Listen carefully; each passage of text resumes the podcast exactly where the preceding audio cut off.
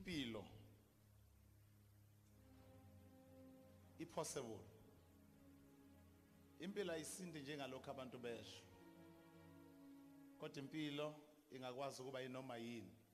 As long as lo onikwe yona ezazi ukuthi ufuna ukuba yini. Noma ubani okhona abazalwane ozelwe uNkulunkulu kunesiphiwo uNkulunkulu akunike sona.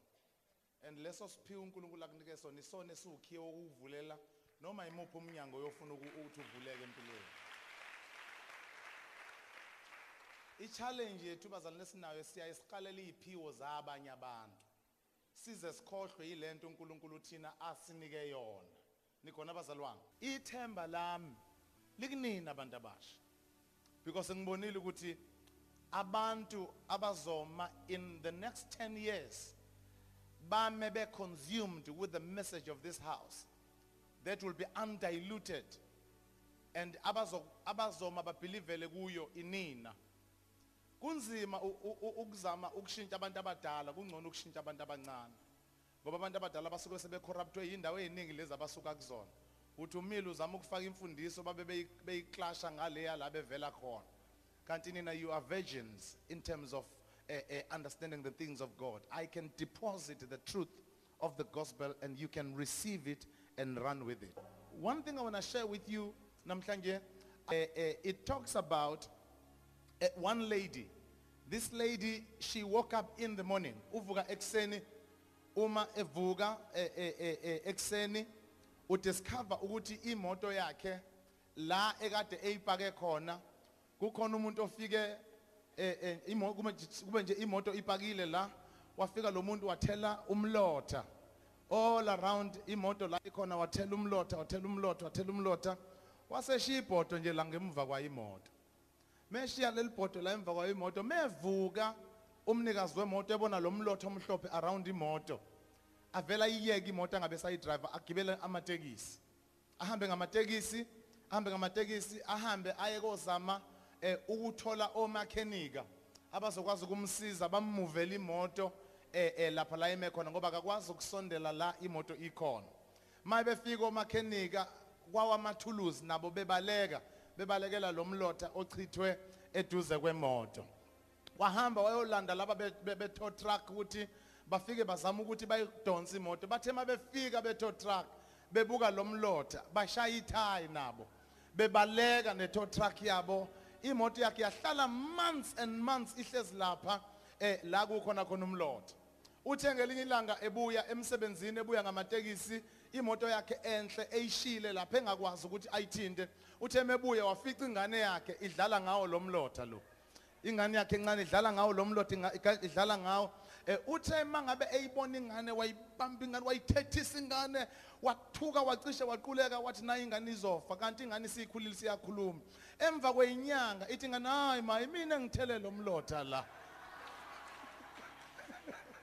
Imina engathela lo mlotha lama ngangidlala. Wa- wayishaya ingane wayishaya ingane kanti cabanga bangakanani abantu asebebalekile bebalekela umlotha. Ithini ke lento yami ma? Ithi impilo uyibona ngokolwazi olusengqondweni yakho ngempilo. Impilo nje awuyibuki ngamehlo enyama kodwa impilo uyibuka ngamehlo olwazi. So it's very very important ukuthi uyazi lento because ukhule i-outbringing yakhe i-outbringing eyazi ukuthi siyathakathwa. Nento enhle yukuthakathwa kuyena. And le nto le isibe yisitho esikhulu kubantu abaningi abangavange baze baphumelele empilweni. Uma bengaphumeleli babalekele ngokuthi bayathakathwa kungakaze kuthakathe muntu. Only just because uma kuke kwaba khona into encane evimba impumelelo yabo bayahluleka ukufohla bese befocus ekutheni bathakathiwe. Baze banuke nabantu abangenzanga lutho ngenxa ukuthi bahluleka ukuphusha. Nikhona abazalwane? Now look at the scripture in Romans chapter 12 verse 2 do not conform any longer to the pattern of this world but be transformed by the renewing of your mind. Then you will be able to test and approve what God's will is, his good, pleasing, and perfect will. Praise the Lord. number 1 uNkulunkulu lapha is saying something that is very very powerful especially in, in the book of Romans he says ningalingisi leli lizwe but mayiguqulwe ngokwenziwa ibe intsha intoni bazalwane ingqondo yethu uma umuntu enezindlebe akezwe. Uthi uJesu ma unezindlebe yizwa but qaphela ukuthi uzwane ngoba lento oyizwayo inamandla okushintsha idestiny yakho. Are you with me bazalwane lento oyizwayo inamandla okwenzani?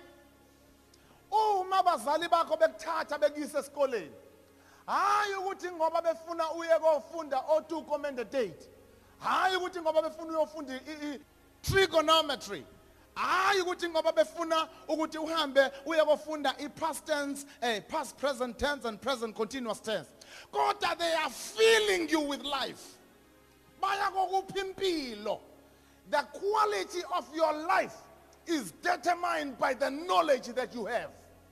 If you want to transform your life feed yourself with the correct information. The knowledge is the power at which your life can be valued. The value of your life is determined by what you know. What you can do the capacity the capacity of your life is determined by the knowledge that you carry. Because the knowledge that you have is the eyes at which you can see life. Impila uyibone ngamehlo uyibona ngokwazi. Angani mina ngizwani bazalwane? Impilo awuyiboni ngamehlo akho kodwa uyibona ngani? Ngokwazi. That is why bazalwane ufuna ukuguqula impilo yomuntu osemncane. Umyisa esikoleni. Mawuke wamyisa esikoleni lalela ngisho ungazalwa by birth uyisihlakaniphi but ukuhlakanipha kwakho makungavange kuze ku- ku- ku- expandwe with education. Ukuhlakanipha kwakho can only take you this far. But if you have education over and above the fact that you were born a wise person ungenza okukhulu. So now it's very very important bantu abasha ukunderstand ukuthi mawufuna ukuthi impilo yakho uyibona ishintsha ungafani nabantu bala uvela khona shintsha ilevel yolwazi onalo. Because ivalue yakho that is why mawufaka i-CV eyinkampanini iholo lakho lincika ekutheni uqualify iqualification yakho ithini? Okusho ukuthi uma iholo lakho lincika ekutheni iqualification yakho ithini ivalue yakho incika ekutheni wazini? Ah anganoma ngizwana kodwa bazalwane ivalue yakho ayinyakazisi kuphela abanye abantu inyakazisa nanawe ekutheni uzazi ukuthi ubani. U- ulwazi onalo lukwenza ube bold when you approach life. Ma approacha impilo uzazi ukuthi you don't have knowledge you approach life with no confidence. That is why i still believe ukuthi South Africa one of the most important things our government okufanele a-investe kuyona imali in this day and age is education. When they fought for free education it was in my heart that I can even jump and fight with them because I knew they are fighting for the door to be opened for every single child. Ezizelwe ema-families kuma-families angenalutho nama-families anotho ukuthi zikwazi ukuthola i-education. Because imfundo not just only uh, uh, imfundo yasesikoleni but the information that you receive it is the only way you can change your value. Uma ufuna ukushintsha isimo somndeni wakini musa ukuthandaza kakhulu ungayi esikoleni. Musa ukuba yi-intercessor ehlala ifastile. Ufaste uthi lapho bebephuma laba abanye besikoleni uthi no i'm on fast. Zeke bebehebeheya kuhle kodwa fasta ufunda. Hey bazalwane.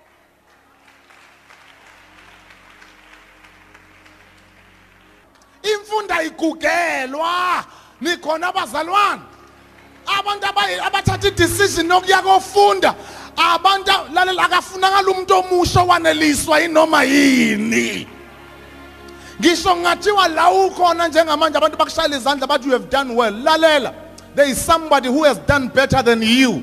You need to get to that level. Don't be satisfied ngejob le onayo. Lwela ukubaphatha. Uma usubaphathile dlule ekubaphatheni. Uyoba uyophatha abanye abangaphezulu kwabo. Ah wangani mana ngizwani basalwana ungasuvume nanokuthi usathana zakurobhe ngokuthi ulinda indoda yethenda? Awasekho namathenda awasekho avaliwe manje. Awase- namathenda avaliwe manje avaliwe kudonswa kanzima ngempela. Kudonswa kanzima na- yabona nama-4 by 4 asaqhamuka kalula manje. Amanye adliwa bazalwane ngoba amathenda kuhambe kwami kwabuye kwagadlazela. Noma ubani manje noma iliphi ixoxo liyayigxumela noma ubani uyayigxumela musa ukuncika kubantu. Awukwazi ukuthi uthi ukule age yakho ule ulinde abantu bazokublessa. Lento yamablessa lento into esikhashana futhi kushiya ugugile uphelele ulayini ungasazazi nanokuthi ubani igama lakho. Kodwa vuka uzimele ulungise impilo yakho ubone uNkulunkulu ekuthatha la akubeke la akususe la akubeke la. One day nawe uyoma kanje uthi ngambona uNkulunkulu engithatha ngiyinto engelutho ngimncane ngimngaka ngambona uNkulunkulu engiphakamisa namhlanje sengila ngizothi baba ngiyabonga. Akekho njengawe lalani bazalwane. Njokuthi unenhliziyo enhle kangakanani? You will never help anybody okwilevel okuyona nawe. Uzukwazi ukuba ukuba isisombululo emndenini wakini. Phakama ukuze ukwazi ukubadonsa lapho bekhona. Iyekeni bantu abami lento lothi uNkulunkulu uzofika. Ngizothengela uma indlu uzoyithenga ngani indlu? Ongenanilinde umxhaso naye esafiki kalula. uNkulunkulu uzofika ngizothengela uma indlu. Eh phakama. Enze njani bazalwane? Enze njani bazalwane? Lalelani bantu abasha. uNkulunkulu usinike everything. The bible says god has given us everything that pertains to life and godliness. Ayikho into uNkulunkulu asincishile yona inkunzi isematholeni but amathole mangabe engazazi ukuthi iwona afumbethe inkunzi imisebenzi ikhona out there bazalwane. Ikhona imisebenzi out there. It's just that ilinda abantu abaready. If you want to know what you worth check what you know. Don't go to the mirror. That mirror that thing that doesn't work i've seen it. That, that mirror has deceived a lot of people. Don't even allow that mirror. Ukuthi ikwenze ushada umncane uyokhahlelwa indoda ikufaka unyawo awunalutho ikufaka unyawo awukwazi ukucontribute ngalutho. Vele ukuthi kolesihlanu vele ifike nevene enkulu yaka Savels lapha nosofa abayelo izongena nosofa abayelo ethi nkosikazi ngithe ngizokuba ngizokubusisa. A- uya- u- amakhala zongawathandi ve ayi- ayinegotiate nawe ngoba vele awufaki ilutho ingakho vele ifikele nosofa ebathandayo ngoba awufaki ngisho isent angana mina ngizwa kodwa bazalwane vela ufakanga ngisho isenti izovela ifike nabayelo uthi uthi uthi usa- usababaza ulo uhle- ubonga into engeke "Awu, siyabonga babukhamazela uyazi inhliziyo yakho ayibonga ilutho ngoba awuzwani nalento "Awu, siyabonga babukhamazela uyindoda emadodeni kodwa mawusubheka hey kodwa bakithi. Kodwa bakithi. Uthi kuthi kusenjalo kuthi kusenjalo ivele ikubuyele nefridge elimhlophe. Lasendlini elimhlophe eli- elisicapha nesicapha la kanti amakhabethe akho awe double door seloba seloba isilenda ki ifridge ke manje ngoba vela ufaka ilutho akudiscusswa lutho nawe Get yourself ready so that you will contribute wherever you are going. Don't allow yourself to get married to somebody and just be a, a spectator there get involved. Yini ekwenza uthi get involved is your value your self-worth. Your self-worth is not the beauty but your self-worth is what you have here upstairs. If you don't get use this opportunity to feed your upstairs it will be too late. It will be too late. Right now stop focusing kule zinto ezithandwa umhlaba njengamanje. Azipheli. Yodlula izulu nomhlaba kuncibileke intaba amadoda awapheli kuyodlula izulu nomhlaba kuncibileke intaba izintombi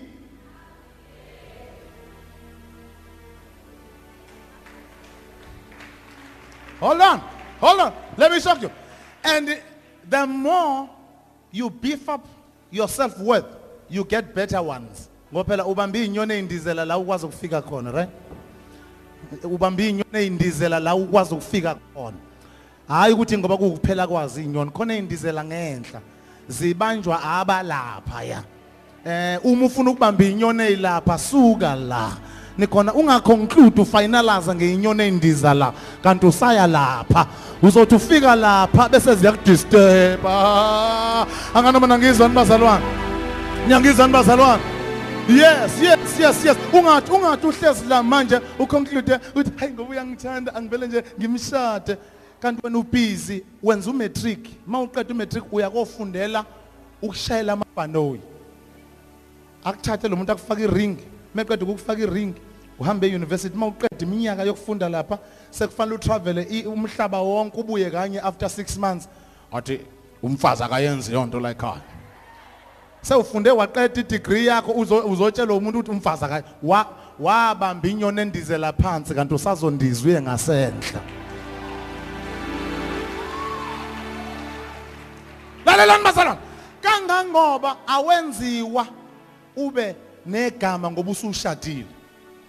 Uma ungakashadi ithuba elanele nelimangalisayo lokuguqula impilo. Hey kunzima uguqula impilo sewunomuntu la othi ho.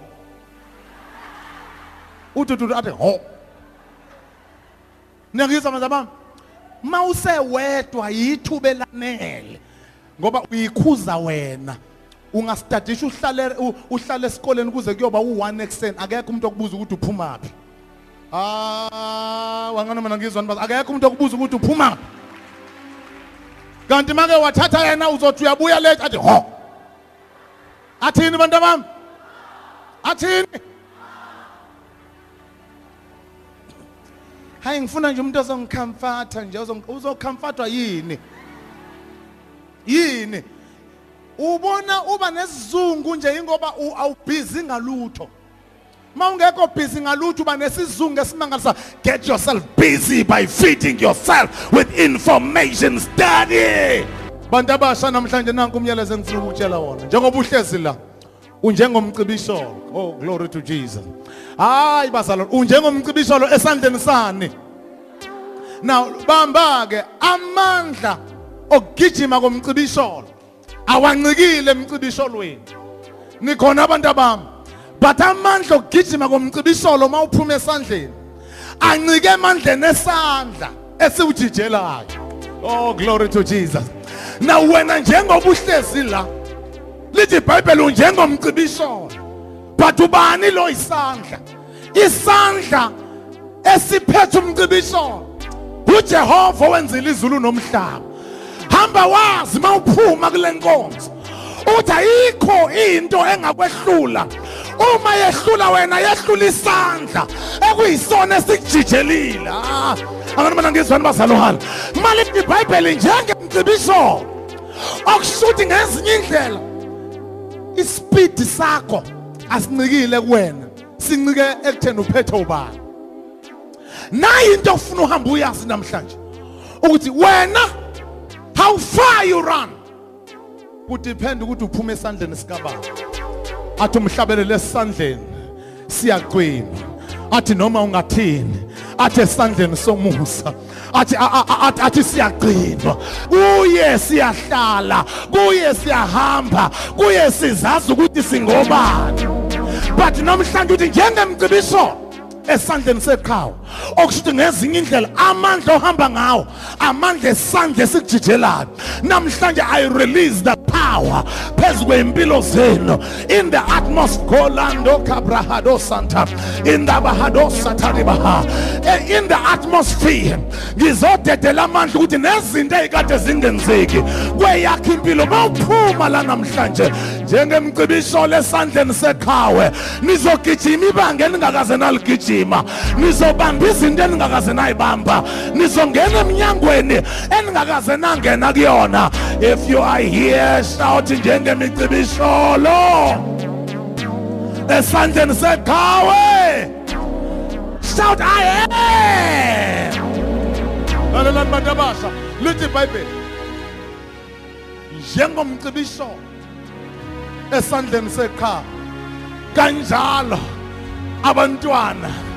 Ha kanjalo abantwana. Ngizothi wena mawuphuma la hamba ngamandla esandla sikajehova. Ujehova uzokufaka in the business world. Ujehova uzokufaka oh shaliba santa. Awukho umnyango la ungeke uzukwazi ukungena khona.